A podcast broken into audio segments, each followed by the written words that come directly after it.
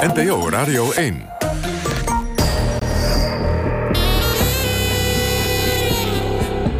Argos.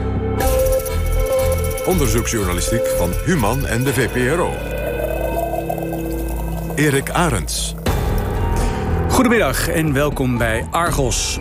Liefhebbers van wapens en vliegtuigen, maar ook van geld en politiek... komen vanmiddag helemaal aan hun trekken. Want we gaan het deze hele uitzending hebben over het duurste wapensysteem... dat ooit door het Nederlandse ministerie van Defensie is aangeschaft.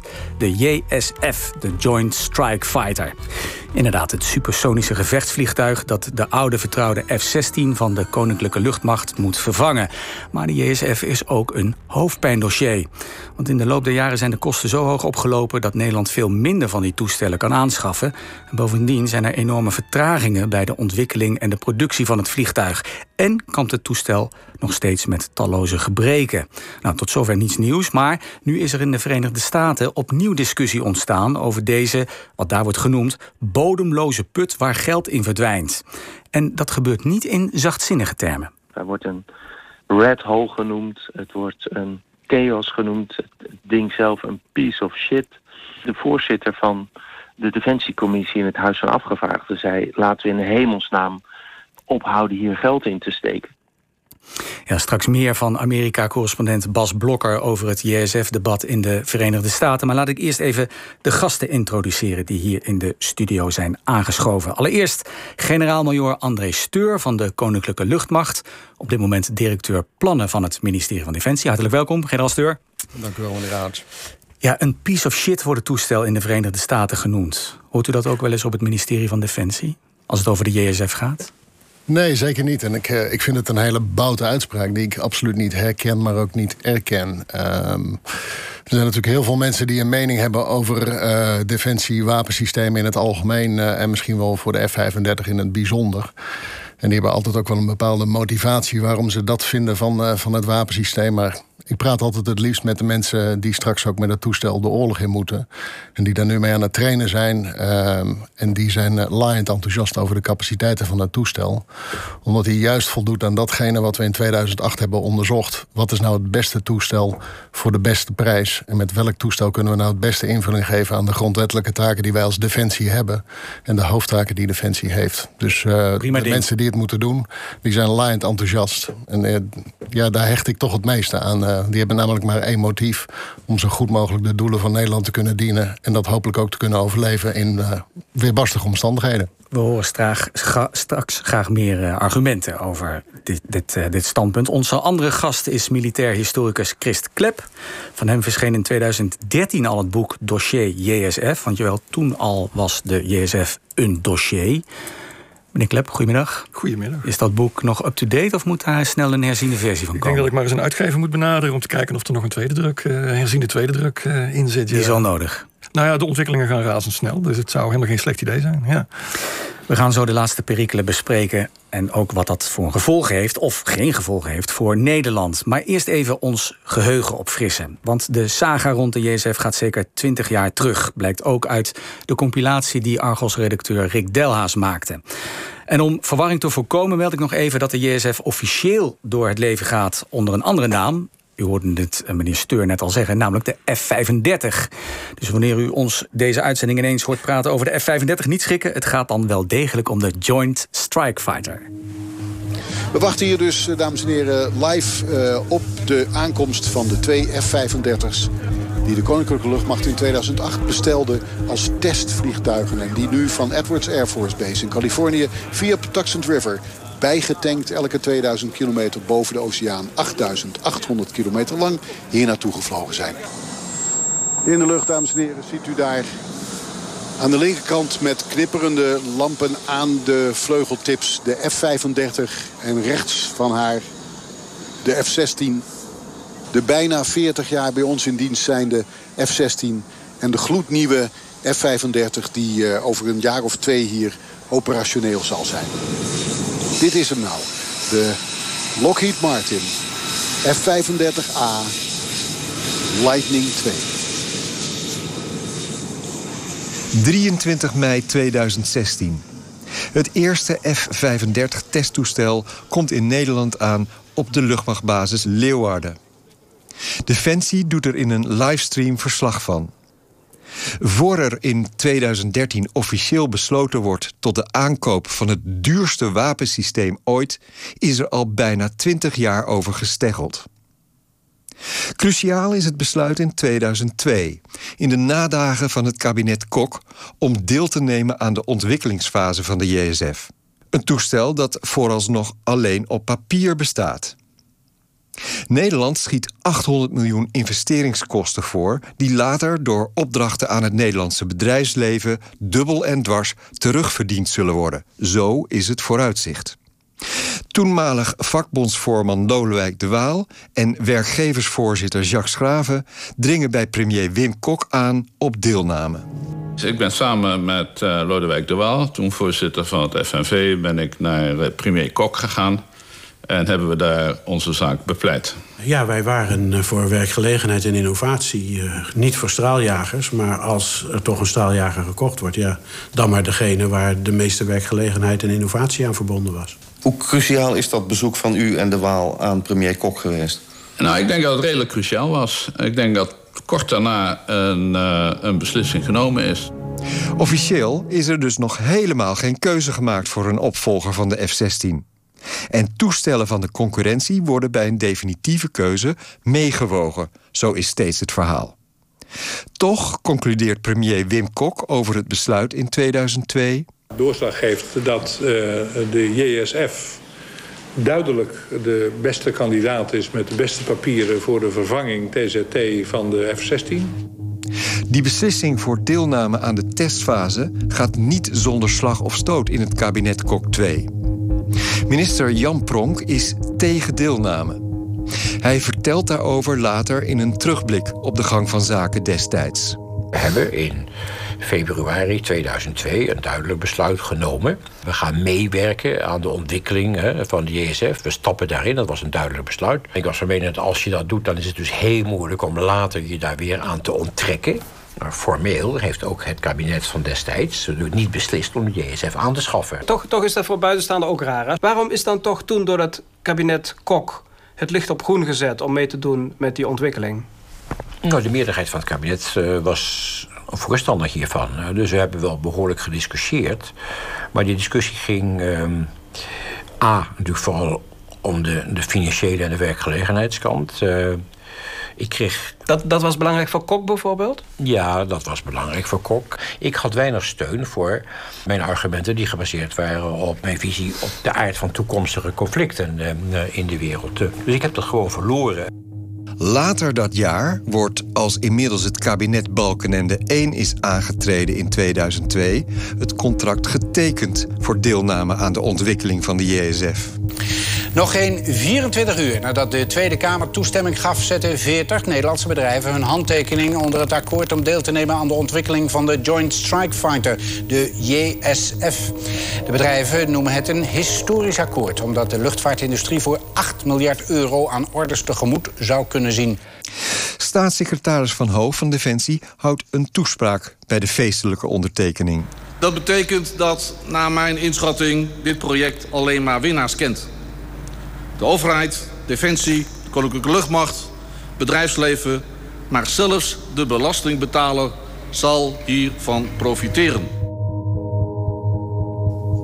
Het is vooral de PvdA die moeite blijft houden met het hoofdpijndossier.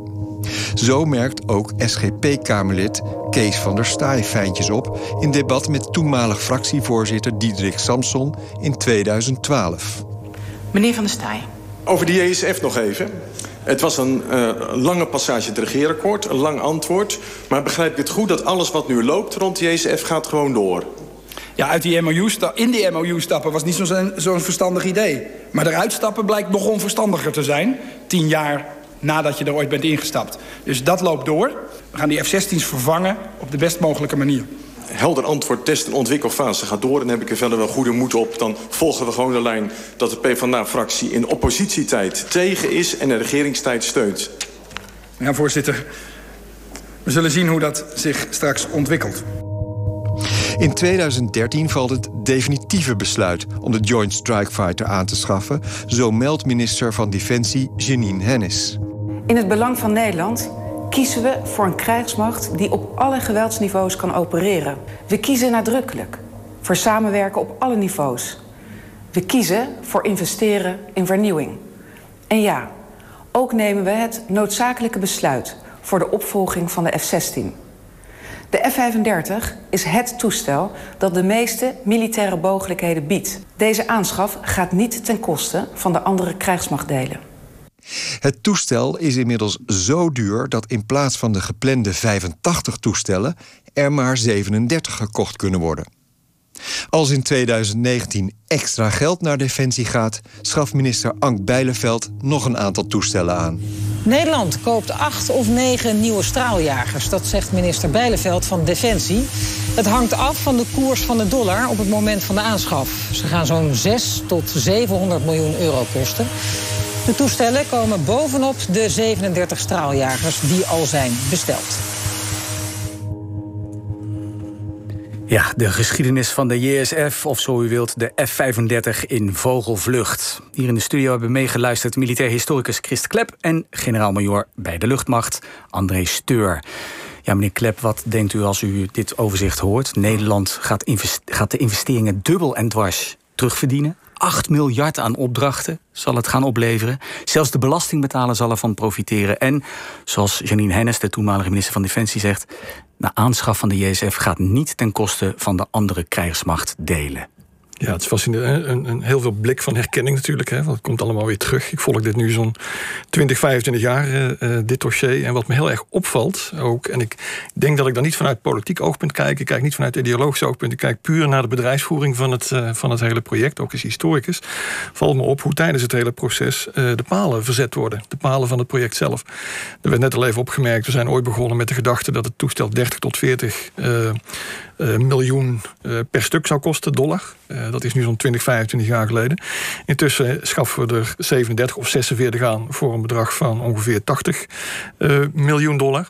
Per stuk, wordt, hè? En per stuk. En dat wordt dan gezien als een succes. Ja, dus dat terugverdienen, zit dat er? Nou, dat, dat sowieso. Maar ik bedoel, als ik, als ik bij wijze van spreken 20 jaar geleden een huis had gekocht en ik had gezegd, nou, ik wil de hele villa. Uh, en niet alleen de, de benedenetage.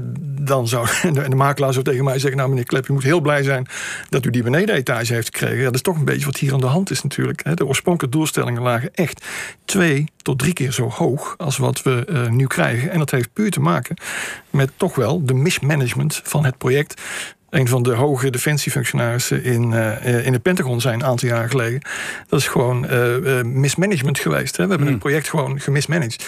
En als het gaat om, die, om dat terugverdienen, ja, de teller staat nu ongeveer op 2 miljard, als ik het goed begrijp. dus dan zouden we dan nu ongeveer terugverdiend hebben. En ik herinner me nog dat Price. Wat hebben we terugverdiend?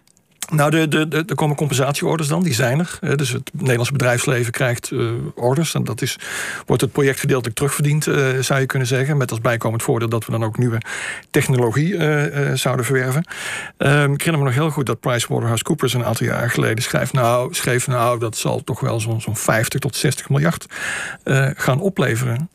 nu, uh, dat gaat het niet worden. Uh, bovendien nu met de grote waarschijnlijkheid dat het project uh, gekocht zal worden. Dus dat het aantal toestellen. Men is bij, dat, bij die berekening uitgegaan van zo'n 4000 toestellen dat het aanzienlijk gekocht zal worden. Kijk nu naar wat er in Groot-Brittannië gebeurt. Een, een, handvol houden ze nog over voor twee uh, vliegdekschepen. Mm. Dat is het dan zo'n beetje. Ja, ja. Uh, dus dus uh, dat, wij die, uh, dat wij dat bedrag gaan terugverdienen, dubbel en dwars, zoals toen beloofd is. Ik herinner me nog heel goed. Ziet u niet gebeuren? Nou, ik herinner me heel goed staatssecretaris, ter afsluiting staatssecretaris van Defensie, De Vries, die zei: nou, Weet je, je hoeft niet te liegen, maar je hoeft ook niet de hele waarheid te vertellen.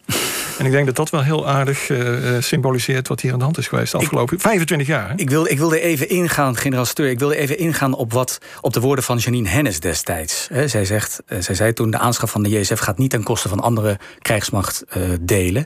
Gaat die aanschaf van de F-35, de JSF, zegt u liever JSF of F-35? Ik uh, hecht aan de F-35. F-35? Ja. Dat is de, de naam van nu, hè? Ja. Ga, gaat die inderdaad niet ten koste van de landmacht en de marine, bijvoorbeeld?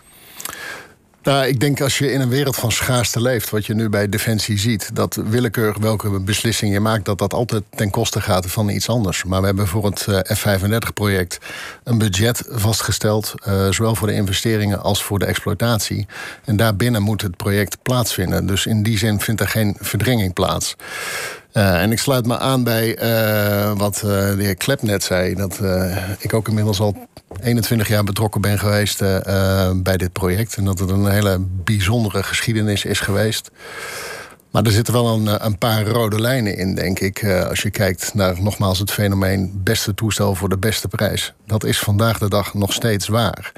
En we praten altijd over grote bedragen als het om dit soort wapensystemen gaat. En daar schrikken mensen van. En dat begrijp ik ook. Waar het voor Defensie om gaat, is doelmatigheid ook van de bestedingen die we doen. En het effect wat we met dit soort wapensystemen kunnen brengen. En dat geldt niet alleen voor een F-35. Dat geldt voor onze systemen van de landmacht. Dat geldt voor onze zeeboten, voor onze luchtverdedigingsvergatten. Je moet kijken naar wat het kost en wat het je oplevert in het vervullen van die taken waar Nederland voor staat. Hm. En dan denk ik, als meneer Klep ook zegt van ja, als ik twintig jaar geleden een huis had gekocht, dat huis wat hij toen had willen kopen, is nu denk ik vier keer zo duur ongeveer. Dus alles wordt duurder in de wereld. En dan vind ik het juist mooi om te zien, als je naar de ontwikkeling van uh, de F-35 kijkt, naar de laatste acht jaar, zijn we van de, van de stuksprijs van een kleine 90 miljoen uh, naar uh, 70 miljoen gegaan. Ik vind ja. dat een aanzienlijke kostenreductie. Maar ik hoorde meneer Klep ook zeggen dat het begon bij 40 miljoen. Ja. Ja, maar dan leg ik ook even de analogie met het huis... dat alles wel duurder wordt in de wereld... en dat er nu juist heel veel druk op, uh, op zit. En dat, daar speelt Nederland denk ik een, een belangrijke rol in... om die kosten zoveel mogelijk te reduceren... met hele tastbare resultaten in uh, de investeringen... maar ook al in de exploitatie. En ik denk ook dat we dat verplicht zijn aan onze, aan onze bevolking en aan onze kiezers... dat wij die doelmatigheid iedere dag vasthouden... en dat we iedere dag kritisch zijn over waar we het geld aan uitgeven en wat we daar terug voor krijgen. Oké, u zegt het is het beste toestel voor de beste prijs. In de Verenigde Staten is nu een stevige discussie ontstaan over de kosten en de capaciteiten van die JSF. We vroegen NRC-correspondent Bas Blokker waar de pijn precies zit. Laten we even luisteren. Ja, er is een discussie, een hele brede discussie over, eigenlijk over de hele lijn. Dus zowel in de politiek als in de legertop hebben mensen alleen nog maar, ja, hoe moet je zeggen, afkeurende woorden. Dat is, dat is dan nog netjes uitgedrukt over voor de, voor de JSF. Hij wordt een red hole genoemd. Het wordt een chaos genoemd. Het ding zelf een piece of shit. Dus um, ze zijn hier niet heel blij met, uh, met het toestel. Er zijn opnieuw financiële tegenvallers. Hoe komt dat? Wat steeds een onaangename verrassing is, dat zijn de kosten voor het onderhoud als ik goed kijk in de defensiecommissie van het Huis van Afgevaardigden, dan kost het inmiddels 36.000 dollar per uur om een F-35 in de lucht te houden. Ja, en uh, als ze zo slecht te spreken zijn over die Joint Strike Fighter, uh, ja, wat moet er dan gebeuren? Is er een alternatief? Ah ja, dat is het pijnlijke natuurlijk. De Joint Strike Fighter is eigenlijk opgestart om de F-16 te vervangen. Het is ongeveer een halve eeuw geleden ontworpen en uh, daar vliegt iedereen steeds nog uh, naar genoegen mee. En intussen kijken ze weer naar de F-16 om uh, de gaten van de F-35 op te vangen. Het is echt een sof. Er is zelfs gesuggereerd dat de F-35, de Joint Strike Fighter, eigenlijk niet voor alle klussen ingezet kan worden. Ja, onlangs was er een generaal van de luchtmacht die vergeleek de JSF met een Ferrari. Waar je ook niet elke dag mee de straat op gaat, maar meer zondag in rondrijdt om te laten zien wat een mooie auto je hebt. Ja, daar is hij natuurlijk niet voor gebouwd. Hij was gebouwd om alles te doen. En als hij nu wordt vergeleken met een soort sierauto, dan weet je wel hoe ver ze van hun doel zijn geraakt. Kunnen de Amerikanen nog wel van het toestel af? Want er is ook wel over gezegd dat dit een project too big to fail is. Ja, ja daar hebben ze veel van in Amerika. Maar nou ja, de, de, de voorzitter van de Defensiecommissie in het Huis van Afgevaardigden zei... laten we in de hemelsnaam uh, ophouden hier geld in te steken. Dus daar gaan ze naar kijken. En er is zelfs de suggestie om een aantal toestellen af te bestellen. Hè? Ja, dat moet je wel in perspectief zien. Ze hebben nu voorgesteld, laten we niet 1700 zoveel toestellen afnemen, maar stoppen bij duizend zoveel. Ja, maar goed, dat betekent dat het hele project, ook voor de bondgenoten, opnieuw duurder wordt. Want dan zal ja. er uiteindelijk minder geproduceerd worden. Ja, absoluut. Het ging allemaal om de business case. Dat speelde ook in de Nederlandse discussie toen een grote rol. En dat is het pijnlijke van wat hier gebeurt. Wat de Amerikanen beslissen in hun wijsheid over hun eigen begroting... heeft consequenties voor Denemarken, voor Japan, voor Nederland. Want Lockheed Martin gaat natuurlijk aan zijn geld willen komen. Eigenlijk de enige jubelberichten zijn het wanneer andere landen er weer een paar uh, afnemen. In huis hoor je er echt niks meer van. Ja, dat is geen malse kritiek die er in de Verenigde Staten klinkt. De JSF, of de F-35, is een soort Ferrari die je vooral gebruikt om mee te pronken in plaats van dagelijks te gebruiken. En let op, dat tekent dus correspondent Bas Blokker op uit de mond van een Amerikaanse luchtmachtgeneraal. Ik heb even opgezocht, dat is niet zomaar een uh, generaal, minister. Dat is namelijk uh, Charles Brown Jr. U, ik, ik zie u ja knikken. Dat is de chefstaf van, het, van de Amerikaanse luchtmacht die dat uh, zegt. Meestal gaan wij mee, vrij soepel mee, en wat de Amerikanen vinden. Vindt u dat ook, de JSF, de F-35 Ferrari? Nou, ik denk dat allereerst de woorden van uh, generaal Brown... Ik, ik, ken hem en ik weet hoe hij over vliegtuigen denkt... en over de F-35, dat die in het juiste perspectief moeten geplaatst worden. Als een grapje. En dat ze goed moeten worden uitgelegd. Ah. Uh, Was het een grapje? Nee, het is geen grapje, maar hij heeft nooit gezegd dat hij twijfelt aan de capaciteiten van de F-35. Voor hem staat dat ook, ook onomstotelijk vast dat de F-35 het beste toestel is.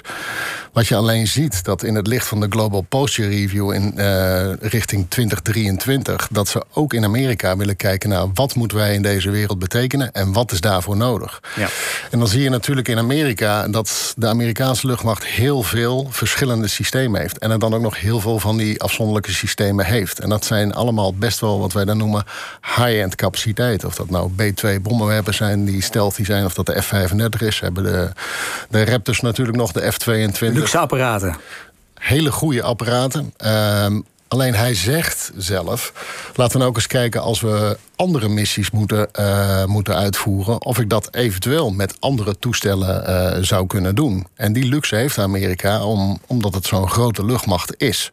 Hebben wij die? Um, wij hebben een hele kleine luchtmacht. En wij zijn er uh, zelf al decennia geleden achter gekomen. Dat wij ons maar één jachtvliegtuig kunnen permitteren. Omdat we dan maar één onderhoudsketen hebben. We hebben maar één opleidingsketen. Eén soort bedoelt u? Ja, ja één soort. Ja. Uh, want Nederland heeft er ongeveer 45 gekocht nu, hè? Wij hebben of er, besteld? Uh, we hebben er 46 nu besteld. 46 besteld. We wilden er 80, bleek te duur. Hoeveel toestellen zijn er op dit moment in Nederland?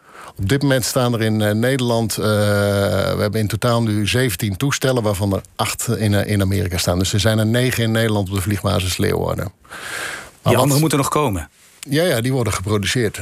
ja. Oh, ja. Dus die, maar wat, wat generaal Brown ja. daar zegt, die kijkt naar dat handelingsperspectief, of hij daar een onderscheid in kan maken. Dus dan, dat is lastig te vergelijken met de Nederlandse situatie, waarin we gewoon met die F-35 alle taken moeten kunnen uitvoeren die de grondwet ook ons voorschrijft. Mhm. Um, en ik denk als je het zou willen vergelijken, zou je het beter kunnen vergelijken met Europa. Maar dan zie je in Europa eigenlijk juist de omgekeerde wereld. Wij hebben heel veel ouderwetse jachtvliegtuigen binnen Europa. En wij hebben juist behoefte aan meer van die vijfde generatie capaciteiten voor onze landmacht, voor onze marine, voor de luchtmacht. Als force multiplier voor heel veel meer oudere toestellen. En ik denk dat dat de omgekeerde wereld is als je het vergelijkt met Amerika. Dus wij hebben juist behoefte aan dit soort capaciteiten. En die zijn van cruciaal belang. Ik denk zeker als we kijken naar Europa. En het F-35-project is een van de grootste ja. Europese projecten met alle Europese deelnemers. Dat wij ook onze eigen veiligheid in Europa serieus kunnen nemen. En daar zijn dit soort toestellen absoluut voor nodig. Voor nodig. Chris Klep, is, is, is dit toestel geschikt voor de missies die Nederland normaal gesproken uitvoert, de luchtmacht? Ja, kijk, de woorden van Brown uh, kun je inderdaad op, op vele uh, manieren uitleggen. Hij is natuurlijk niet de eerste, maar hij is de eerste de beste, maar hij is ook niet de eerste die zegt uh, dat er operationele ja, doelproblemen zijn met dit uh, toestel. Een paar jaar geleden heeft uh, de admiral Greenert uh, van de Amerikaanse marine eigenlijk gezegd dat we die stelt aan het overschatten zijn. Stelt is het vermogen van het toestel om makkelijker om te gaan met radarstralen. Het is moeilijker zichtbaar voor, voor radar. en heeft eigenlijk gezegd van ja, dat moeten we niet overschatten over een jaar of tien. Uh, vermoed ik. Dat zal ook een van de redenen zijn waarom de Amerikaanse marine niet zo uh, heel erg happig is meer op het, uh, op het toestel. En het tweede is dat Brown natuurlijk ook nog een andere opmerking heeft gemaakt. Die zit eigenlijk impliciet in die opmerkingen over dat geld. En dat hij eigenlijk zegt van ja, kijk, het is een Ferrari, het is een high-end fighter, hè, zoals het dan zo mooi heet. Dus die gaan we reserveren voor specifieke taken. Maar impliciet in die opmerking zit natuurlijk dat het dus eigenlijk alleen maar op dat moment nog betaalbaar is. Hè. Dus alleen voor die specifieke high-end taken, daar is het toestel rendabel voor. En doet Nederland Nou, dat soort is precies mijn missies ook? Ja, dat is Oh. precies mijn punt. Wij zullen, althans het is de ervaring van de afgelopen twintig jaar. Wat hebben we vooral gedaan? Eh, dat is missies in een lagere dreigingsomgeving. Uitzonderingen daar gelaten worden. Er zijn ook eh, medium dreigingsniveaus eh, geweest. Maar het meeste wat we doen de afgelopen jaren is bombarderen in, in Afghanistan. waar we totaal luchtoverwicht hebben. Bombarderen in Irak, Syrië, Mhm. ISIS. totaal luchtoverwicht. En daar heb je geen F-35 JSF voor nodig? Nou ja, het is niet voor niks dat in Amerika een tijdje geleden weer de discussie op gang is gekomen van wat voor toestel kan je daar nou het best voor gebruiken. En een van de toestellen die daarvoor eh, onmiddellijk weer in beeld kwam, is een toestel wat ook al 30 jaar oud is. Dat is de A-10, de Thunderbolt. Eh, dat is eigenlijk een vliegend kanon, eh, zou je kunnen zeggen. Bedoeld om ooit in de Koude Oorlog de Russische tanks tegen te houden. En je merkt gewoon heel, ook bij de Amerikaanse luchtmacht en ook gewoon bij de, bij de grunts, hè, bij de soldaten op de grond, die zeggen: ja, wat wij niet willen is een fast mover. Hè, dus een toestel, een, een gevechtstoestel wat heel snel overvliegt en eh, twee of vier eh, bommen kan gooien, zoals die eh, 35. Wij willen gewoon een toestel wat een uur lang boven een bepaald gebied kan loiteren, kan blijven hangen en eh, ons eh, eh, grondsteun kan geven. Eh, meneer Steur, reageert u daar eens op? De, de, de eerste F-35, de opmerking die- JSF, die, die is daar eigenlijk helemaal niet voor... of nou, misschien wel voor geschikt... maar je kunt het ook met heel andere toestellen af... die misschien goedkoper zijn. Nou, ik zou eerst willen reageren op de opmerking van de heer Klep. eh, als historicus dat hij het waarschijnlijk met mij eens is... dat succes uit het verleden geen garantie zijn voor de toekomst. En we hebben natuurlijk een enorm luxe positie gehad de afgelopen decennia... waarin ook het vredesdividend is gecashed... waarin wij als Nederland de luxe positie hadden... dat wij konden bepalen waar we heen gingen... hoe lang we daarheen gingen, onder welke voorwaarden dat mocht... eh, wat dat mocht kosten en dat soort zaken. En wat ik echt mis in Nederland is het besef dat de wereld echt heel snel aan het veranderen is. Met een zeer assertief Rusland, met heel veel onstabiliteit aan de randen van Europa. Met een, eh, een, China wat zich steeds meer begeeft op het eh, wereldtoneel. Ik hoop dat, eh, dat meneer Klep gelijk heeft. Dat we de komende decennia alleen maar wat meer de low-end missies zouden moeten doen. Maar ik durf daarvoor mijn hand niet in het vuur te steken. En dan refereer ik nogmaals aan onze grondwettelijke taken en aan onze bondgenootschappelijke afspraken dat wij die veiligheid waar Nederland zo wel bij vaart en waar wij rijk van zijn geworden en waar wij in vrijheid al- overal iets van mogen vinden, dat we dat ook de komende decennia kunnen vasthouden. U denkt, u bijvoorbeeld aan wat er aan de randen van eh, Oekraïne nu eh, gebeurt. Absoluut. De Russen die daar eh, de troepenmacht opbouwen. En als ik dan kijk naar wat nu in Europa aan de gang is, dan, dan, dan denk, denk ik automatisch aan de woorden van Roosevelt die zei: Speak softly, but carry a big stick. Nou, Ja. En die big stick hebben wij op dit moment in Europa niet. Maar toch even die onderhoudskosten. Hè? Kijk, ik Ja. kom meestal gewoon op de fiets naar Hilversum... dus ik weet helemaal niks van vliegtuigen, laat staan de gevechtsvliegtuigen. Maar als je dan hoort 36.000 dollar per uur om één vliegtuig in de lucht te houden... is dat dan niet een beetje duur? Ja, ik, ik, ik refereer dan nogmaals aan kosteneffectiviteit. En ik zeg ook niet dat alles perfect op dit moment is met die hele onderhoudssystematiek van de F-35. Hè. Wat je bij ieder groot project ziet, of het nou de Noord-Zuidlijn is of de Betuwe-lijn of andere grote projecten. In het begin is dat heel erg lastig. Ja, maar het is altijd, wordt altijd duurder. Het is, nooit, het is nooit minder duur dan geschat. Ja, het grappige is dat de ramingen juist het afgelopen jaar zijn afgenomen. Hè. Wij, wij corresponderen ieder jaar netjes middels een voortgangsrapportage aan de Kamer. Dat wordt gedaan door het TNO, dat wordt gecontroleerd door de Auditdienst Rijk. En daar zie je juist ten opzichte van het afgelopen jaar... dat die ramingen per jaar alweer met 10 miljoen zijn afgenomen... voor de instandhoudingskosten van de F-35. Maar je zal altijd met zo'n toestel en met zo'n project... zul je eh, verrassingen tegenkomen. Dat is met ieder systeem zo. Dat hebben we nu zelfs nog met de F-16... dat we af en toe even een, een, een vraagteken krijgen van... hoe gaan we dit oplossen? Het is een technisch systeem, dus je hebt ook in die aanloopfase de hè, dat de kinderziektes eruit moeten. Net als met een auto, met terugroepacties. Het is een enorme brede enterprise, wereldwijd, met heel veel spelers erin. Die markt van vraag en aanbod voor instandhouding en eh, reservedelen, dat moet uitbalanceren. Dus dat, dan is het mooi om te zien op dit moment al dat die eh, ramingen voor die onderhoudskosten aan het dalen zijn. Wat ook in die voortgangsrapportage staat. En dan denk ik van, als we even Ja. in mogen gaan op, op, op wat meneer Klep zei over eh, de A10. De A10 is een fantastisch toestel. Eh, nog steeds. En die is bij uitstek, dat is ook de enige missie waar die eigenlijk voor gemaakt is, hè, terecht als tankkiller om close air support eh, te verlenen. En ja, dat hebben onze, eh, onze mensen van de landmacht en het Korps Mariniers, die zeggen dat ook wel eens tegen ons. We vinden het wel wennen met een F-35, dat je hem niet ziet. En je hoort hem niet, want die, een F-16 of een F-35... die moet dichtbij zitten en we horen lawaai en we zien wat ze doen. Maar als we kijken naar de effecten die de F-35 dan brengt... Eh, die niet alleen daar een bom kan gooien... maar die ze ook de informatie kan geven. Die ze door kan geven waar zit vriend, waar zit vijand... waar zijn de veilige routes, al dat soort zaken. Ja, dan zijn ook die mensen daar erg verguld bij. En daar is die F-35 ook voor. Het is niet een jachtvliegtuig as such. Het is een communicatieplatform, het is een Intel-platform. Even kort een reactie van uh, meneer Klep. Ja, fascinerend. Ik zei al, ik volg dit nu al 20, 25 jaar. En, ik hoor eigenlijk alleen maar vanuit Defensie dat uh, de ramingen altijd kloppen. En dat ze altijd binnen de afgesproken kaders blijven. Maar dat komt natuurlijk simpelweg omdat die kaders uh, voortdurend worden bijgesteld. Ik zou de generaal willen vragen: kunt u mij garanderen dat we over tien jaar niet aanzienlijk meer betalen voor het onderhoud dan dat Lockheed Martin, de fabrikant, ons nu belooft? Want Lockheed Martin heeft natuurlijk een fantastisch verdeel en heerspel gespeeld. Ze hebben het uitbesteed aan negen of tien verschillende verschillende landen. Wij Nederland een partnerland geworden. En daarmee heeft Lockheed Martin natuurlijk heel effectief voorkomen dat landen onderling binnen dat partnerschap gaan samenwerken om die F-35 uh, bijvoorbeeld in duo-gebruik te gaan gebruiken. Generaal Steur, kunt u dat beloven? nee, ik, ik kan de toekomst niet voorspellen en kan niks beloven. Ik, ik, ik hecht alleen aan te kijken naar de feiten. En de feiten hm. die tonen aan dat het afgelopen jaar... die ramingen voor die instandhoudingskosten al omlaag zijn gegaan. Maar waarom, waarom worden ze dan in Amerika uh, zo hoog? En, en, en is ook de voorspelling dat ze de komende jaren alleen maar hoger zullen worden. Waarom is dat dan bij ons? Wat doen zij fout met al hun miljarden... wat wij met ons kleine landje goed doen? Ik, ik, ik zeg niet dat zij, uh, dat zij het fout zijn. Ik denk dat je heel kritisch moet kijken naar waar die kosten dan liggen. Nederland heeft bijvoorbeeld al een heel ander onderhoudsconcept uh, met de mhm. F-35, waarbij we met minder mensen werken. Uh, we hebben een andere vlootgrootte. Wij zijn een heel klein land. Als het gaat om de doorontwikkeling van de F-35 dan werken we op basis van wat we noemen een cost-share ratio. Dus voor die hele doorontwikkeling, de komende 40 jaar van dat toestel, alles wat daar wordt bedacht, alles wat daar uh, wordt toegevoegd aan een toestel, daar staan wij uh, zeg maar aan de lat voor ongeveer 1,2% van al die kosten. Als je dat met een ander type zou doen, met een kleinere schaalgrootte, dan betaal je daar het veelvoudige voor. Nederland zit zelf ook in de hoogste bestuursorganen van het F-35-project. En wij beslissen mee over hoe we willen ontwikkelen, hoe we onderhoud willen doen en wat we daarvoor willen betalen. En we werken daar met plafondprijzen en dat soort zaken.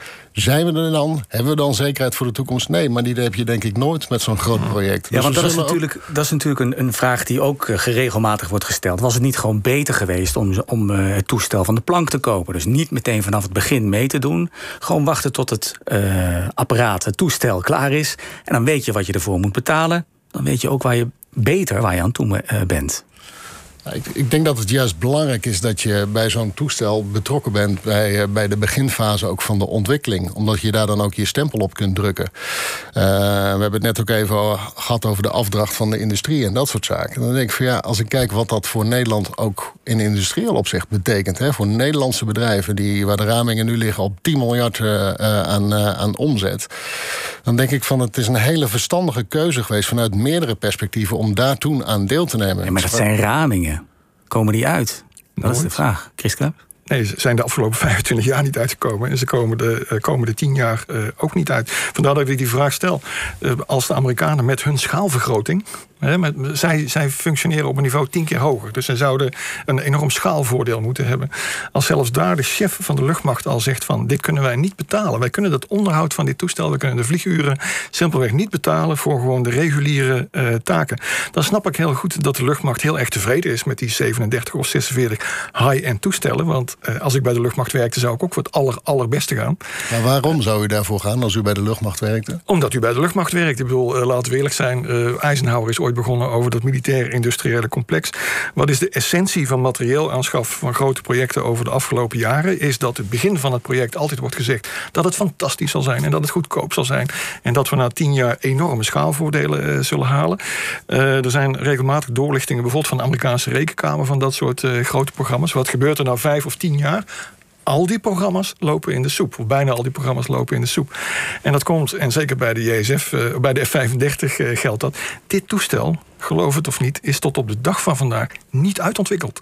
Dit toestel is nog steeds, als je het goed ziet, een veredeld prototype. En dat durf ik zo te zeggen.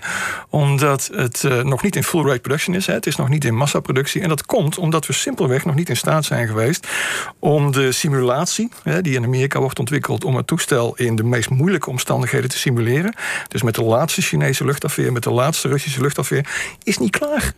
Twaalf jaar is eraan gewerkt in Amerika.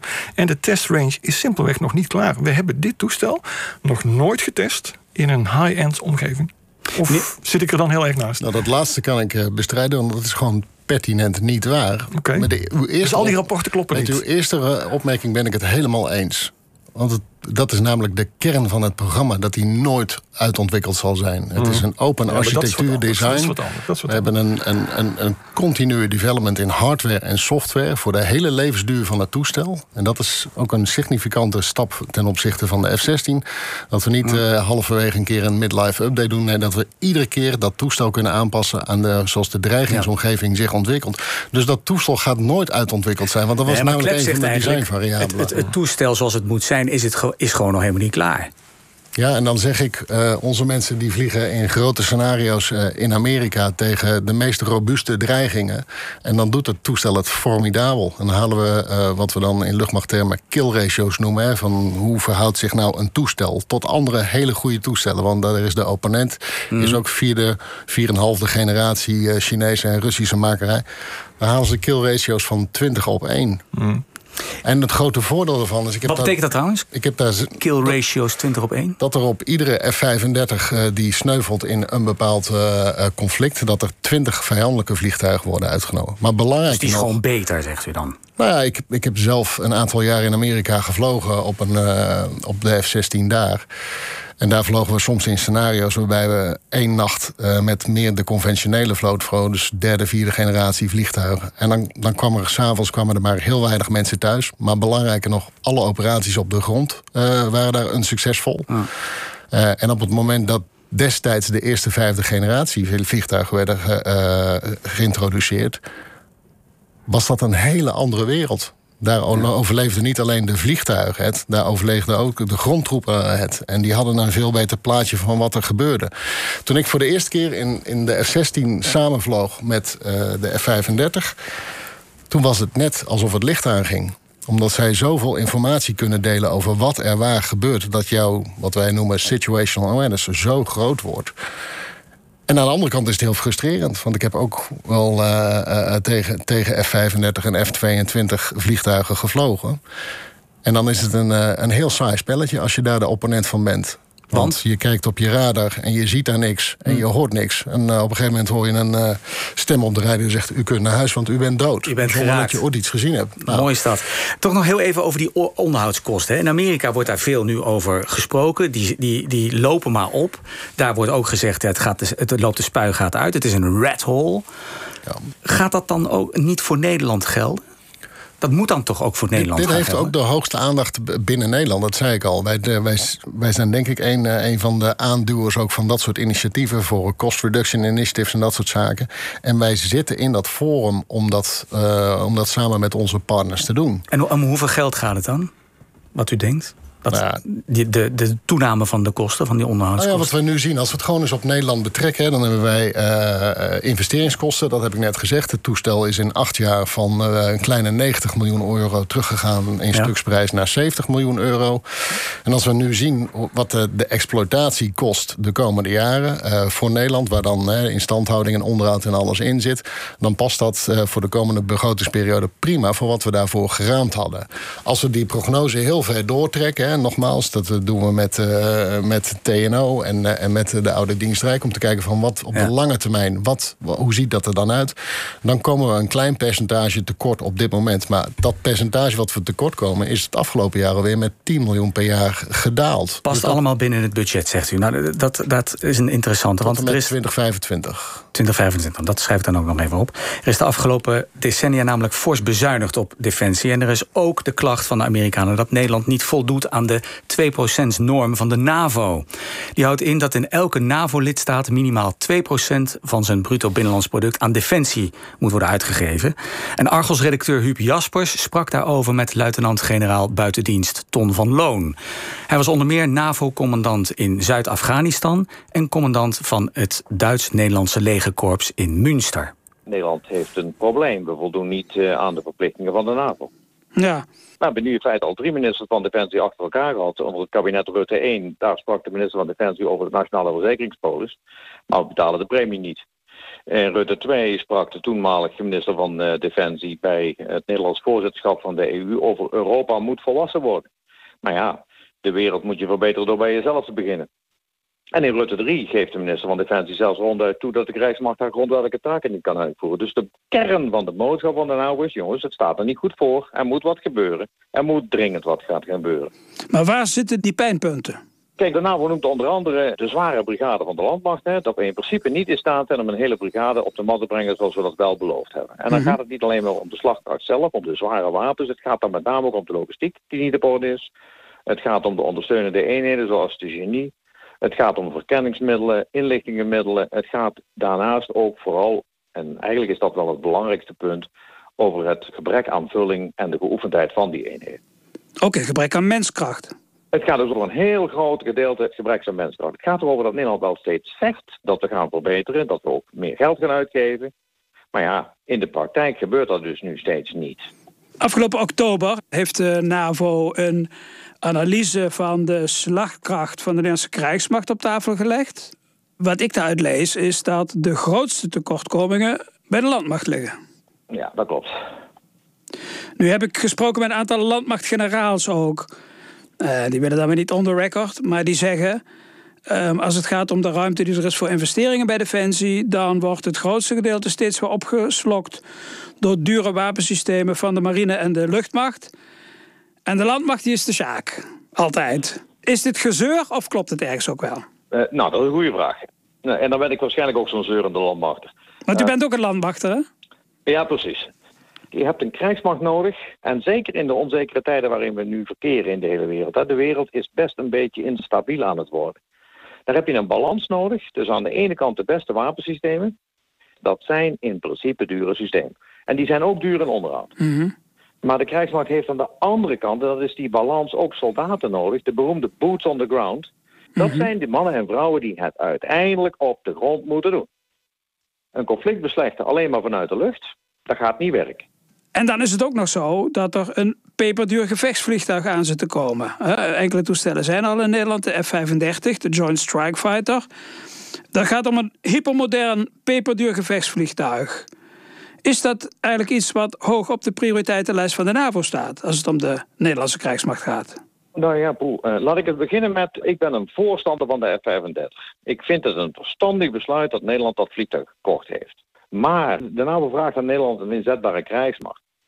En die krijgsmacht, daar heb je ook een goed vliegtuig voor nodig. En de F-35 is zonder enige twijfel een goed vliegtuig. Maar waar het om gaat... als wij 2% BNP zouden uitgeven aan defensie... dan is er ook zeker ruimte voor F-35's. En ook nog voor meer F-35's. Maar wanneer we dat niet uitgeven... en een ondergevulde krijgsmacht hebben... zonder reservedelen... met een gebrek aan munitie... met een gebrek aan ruimte om te oefenen... dan moet je je zwaar afvragen... of die 9 extra F-35's nou daartegen wel opwegen. Dat is wat het kabinet onlangs besloten heeft... Hè? om nog negen extra van die toestellen te bestellen.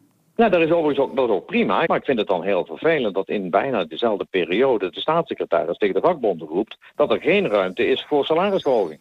Ja. En dat vind ik het contraproductief. Ik ben een grote voorstander van die F-35, maar... ik ben een nog veel grotere voorstander van nou eindelijk eens een keer... die mannen en vrouwen die het werk moeten doen, fatsoenlijk betalen. Een fatsoenlijke CAO geven ja. en er daadwerkelijk voor zorgen dat we die organisatie vol krijgen. Toch nog even over die F-35. Zelfs in de Verenigde Staten zijn er nu serieuze geluiden van dat ding is veel te duur. Ook voor de taken die we er straks mee uit gaan voeren. Dat kan op een goedkopere manier. We moeten helemaal niet zoveel van die toestellen aanschaffen.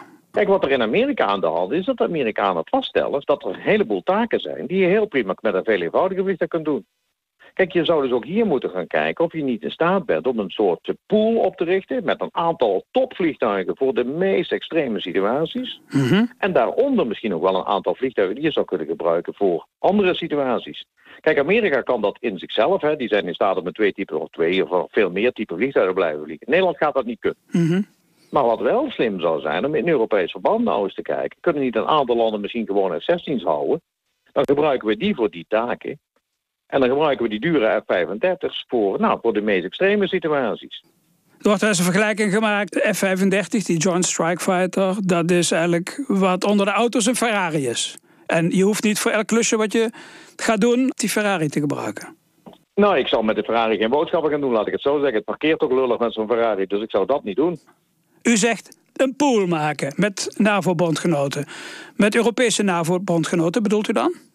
Ja, dat bedoel ik. En, ik denk en, dat- en wie? ja. Zegt u eens, aan welke landen denkt u dan?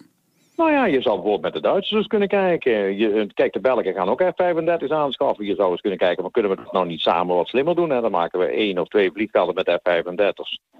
Eh, en dan kijken we eens of we dat niet samen wat slimmer kunnen. En dan zou u zich kunnen voorstellen dat er straks Duitse piloten in zo'n eh, Nederlands F-35-toestel vliegen. Nou, in, in, ja, precies. En dat we ook de onderhoudskosten dan zouden kunnen delen met de Duitsers. Dus, nou ja, je zou in ieder geval eens even samen kunnen onderhoud plegen. Terug naar uw vergelijk met de Ferrari. Eh, het probleem met de Ferrari is niet het aanschaffen. Het probleem met de Ferrari is het onderhoud. Maar zou u uw Ferrari uitlenen aan de buurman? Ehm, als die buurman dan bij mij de kosten van dat apparaat samen zou delen, wel ja. Aldus luitenant-generaal buitendienst Ton van Loon... in gesprek met Argos-redacteur Huub Jaspers. Generaal-majoor Stuur, zou u een Ferrari delen met uw buren? Nou, ik vind, ik vind de vergelijking wat ongelukkig van een Ferrari. Want ik zie eh, dit toestel niet als een Ferrari, maar veel meer als het werkpaard van de toekomst van, eh, van de defensie, ook binnen Europa. Zou u, Maar dan, ik- zou u dan voorstander zijn van zo'n pool? Want dat is eigenlijk waarmee, de vergelijking waarmee Van Loon eh, op de proppen komt. Hè. Hij wil graag een pool van NAVO-landen oprichten... om dan de aanschaf en de onderhoudskosten van zo'n JSF te delen. Is dat een idee?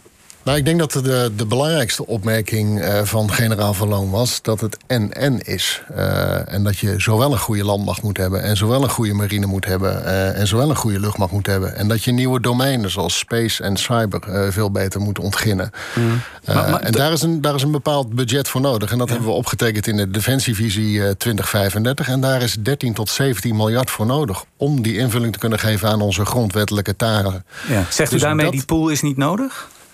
Nou, poelen is een heel goed gedachtegoed. Maar dat is wel een beetje afhankelijk van wat de insteek van die pool is. Ik denk dat het voor eh, Ajax en eh, Feyenoord ook heel goed zou zijn... eh, en heel goedkoop zou zijn om hun voorhoede te gaan poelen. Maar op het moment dat je alle twee op zaterdag moet spelen... Ja. dan is er één iemand zonder voorhoede. En als ik dan naar het speelschema kijk... verlies je de helft van de wedstrijden. Ja, maar dan, wat, wat nu doet u net alsof, alsof Duitsland en Nederland bijvoorbeeld... Hè, want daar heeft Van Loon het over... ge- gezworen vijanden zijn of geduchte concurrenten. Maar dat zijn natuurlijk buren. We hebben het dan, hè, als u een vergelijking wilt maken... dan heb je het over Ajax 1 en Ajax 2... of de jeugd en de volwassenen van Ajax. En ik denk dat we dat dus ook doen, grotendeels, die poelen. Alleen je moet in, bij poelen kijken naar waar je kunt poelen. En als ik dan naar een aantal initiatieven kijk, hè, bij de landmacht ook... de integratie eh, van, eh, van de 43e brigade met de Duitsers... de marine die heel nauw samenwerkt en poelt met eh, de schepen met de Belgen. En de luchtmacht doet dat al jarenlang als het gaat over jachtvliegtuigen... waar we vandaag hiervoor zitten. ehm, met bijvoorbeeld de EPAF-landen, de European Participating Air Forces... al twintig jaar lang met de Denen, de Noren en de Belgen. Daar hebben we gezegd al twintig jaar geleden van... laten we eens een keer kijken of we de wapen- en instructieopleiding... of we dat samen kunnen doen. En laten we eens kijken hoe ver we dan komen... door alles met elkaar te delen. En Zo kwam het voor toen ik die opleiding deed... dat ik als Nederlandse vlieger in een Belgisch F-16 zat... met een Noorse crewchief en een Deense wapentechnicus. En zo deden we die hele oefening. En dat gaf ons enorm veel voordeel toen we uiteindelijk ook door gingen zetten... en echt gingen integreren als het gaat om operationele eh, concepten... over standaardisatie. Dat je met hetzelfde toestel opereert... met exact dezelfde procedures en dezelfde afspraken. Ik kan nu naar Noorwegen gaan en als daar een formatieleider zegt... Steur, eh, we gaan eh, deze missie doen en we Weet u wat pakken u moet doen? dan weet ik exact wat ik moet doen. Chris Klep, zo'n pool bestaat al. Ja, die, uh, niet op het gebied van, uh, van de luchtmacht zoals het voorgesteld is. Maar dat, dat idee is eigenlijk 20 jaar geleden al, 25 jaar geleden, heel effectief de nek omgedraaid door Lockheed Martin zelf. Die natuurlijk een horrorscenario zag. En dacht van jeetje, zo meteen gaan die Europese partnerlanden al die toestellen poelen. En dan gaan we maar de helft van het aantal toestellen verkopen. Want dat is natuurlijk veel efficiënter. Bovendien zou het natuurlijk een hele aardige invulling zijn op het gebied van wat nu steeds geroepen wordt. Namelijk, we zouden gedeeltelijk onze defensie efficiënter kunnen maken. door een, een, Europese uh, binnen de NAVO uh, te gaan uitbouwen. Hè, wat nu binnen de Europese Unie mm. een van de hot items is. Wat is erop tegen om bijvoorbeeld acht of tien of twaalf high-end bases te maken in, in Europa? Met high-end toestellen. laat dat F-35 zijn of laat dat andere type toestellen zijn. En, en, en echt, echt internationaal te gaan samenwerken. Wat, wat blijkt elke keer weer opnieuw? Dat als je hoog gespecialiseerde uh, onderdelen van de krijgsmacht, dus bijvoorbeeld de gevechtsvliegtuigentak, die doen allemaal ongeveer hetzelfde werk, hebben allemaal ongeveer dezelfde doctrines, hebben allemaal ongeveer dezelfde doelstellingen en opleidingen. Dat zijn fantastische items om mee te gaan poelen. Dat willen we niet, dat kunnen we niet, omdat we als Nederland intussen onze ziel afgekocht hebben aan Lockheed Martin en op de lange termijn een onderhoudsproject. Die, die landen onderling, die partnerlanden onderling, zijn allemaal concurrenten geworden. En dat, en dat heeft Lockheed Martin goed voor elkaar. En dat andere punt wat Van Loon uh, maakt, die zegt namelijk: zolang Nederland geen 2% uh, uitgeeft aan defensieuitgaven, uh, dan moet je die, die 8, 9 extra JSF-toestellen moet je helemaal niet, die moet je helemaal niet kopen. Die, je moet dat geld verdelen onder de andere krijgsmachtsonderdelen. Want daar moet je meer investeren. Nou, de kern van de discussie is wat generaal Van Loon zei, denk ik. Hoe serieus nemen wij onze grondwettelijke taken? Hoe serieus nemen wij onze afspraken met onze bondgenoten? Oké, maar ik wil heel even dat meneer Klep daarop reageert. Ja, twee korte uh, opmerkingen. Ten eerste, we zouden sowieso niet in staat zijn, denk ik, om op korte termijn daarvoor het benodigde personeel te vinden. Want het is hoog gespecialiseerd personeel. Dus een, een, sterke uitbreiding van die. Zelfs al zouden we het geld ervoor hebben, zou het heel erg moeilijk zijn om daarvoor voldoende personeel te vinden. We hebben nu al 7000 man het op de krijgsmacht. Als we er nog eens 20.000 bij zouden moeten hebben, dat zouden we simpelweg uh, uh, niet halen. En bovendien, uh, ja, de generaal maakte zojuist het onderscheid tussen. ja, we zijn nu voortdurend aan het moderniseren van het toestand. Maar dat is niet wat we aan het doen zijn. We zijn nu het toestel aan het afbouwen. En we zijn tegelijk ook al begonnen met de moderniseringsfase, omdat het toestel nu al 20 jaar oud is en er twee jaar geleden al een moderniseringsprogramma nodig was. Wat overigens ook alweer anderhalf miljard dollar duurder werd dan dat het oorspronkelijk mm. gepland was. En ik herinner even aan de, aan, toch aan de F-16 uh, vanuit historisch perspectief. Mm. Daar gebeurde ongeveer hetzelfde. Ook daar zei General Dynamics in het begin, hè, we kochten best veel F-16's in de jaren 70. Die zei: nee, nee, gegarandeerde prijs, ook langere termijn onderhoud staat allemaal vast. Lockheed Martin uh, is geen goede doelenbedrijf. Uh, die gaan dat geld gewoon terugverdienen. En wat zag je bij General Dynamics met de F-16? Dat de F-16-onderdelen en het onderhoud werd langzaam zeker steeds duurder. Een paar procent erbij, een paar procent erbij. En na een aantal jaren was alles gewoon 20% duurder. En ja. we konden niet meer terug, want we hadden het nodig. En ik vrees, eerlijk gezegd toch, dat dit ook gaat gebeuren met uh, Lockheed Martin Tot slot, en F-35. Generaal Steur, we hebben nog een krap minuutje. Zou het niet... Uh, collegiaal zijn en ook misschien socialer om die laatste paar toestellen af te bestellen en dat geld te besteden voor de andere krijgsmachtonderdelen die dat zo hard nodig hebben, dat geld?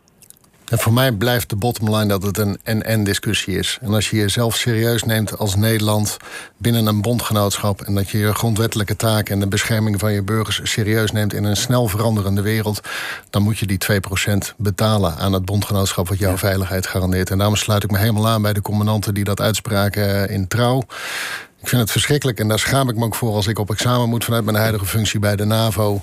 Dat wij lid zijn van een vereniging waarin we de contributie niet betalen, waarin we de bardienst niet draaien. En als we er een drankje nemen, dan kan de buurman betalen. En dat is wel de situatie zoals die nu is. En daar schaam ik me als militair voor. Dat lijkt me een oproep aan de minister en aan Politiek Den Haag. Kijken wanneer het volgende hoofdstuk zich aandient over die F-35... die de meesten toch volgens mij nog altijd de Joint Strike Fighter noemen. Die naam spreekt natuurlijk ook veel meer tot de verbeelding volgens mij. Maar goed, mag ik u hartelijk danken voor deze discussie. Generaal-majoor André Steur, generaal-major bij de Koninklijke Luchtmacht... en militair historicus Christ Klep. Veel dank. Graag gedaan. Dank. Tot zover deze uitzending van Argos. Die werd gemaakt onder eindredactie van Rick Delhaas en Huub Jaspers. Techniek was in handen van Alfred Koster. Zo dadelijk op deze zender Hilversum uit met de Waldi van Gene. En hij is vandaag in Diemen. En wij, wij spitten verder. Ik wens u een fijn weekend. Houd het hoofd koel cool, en graag tot volgende week.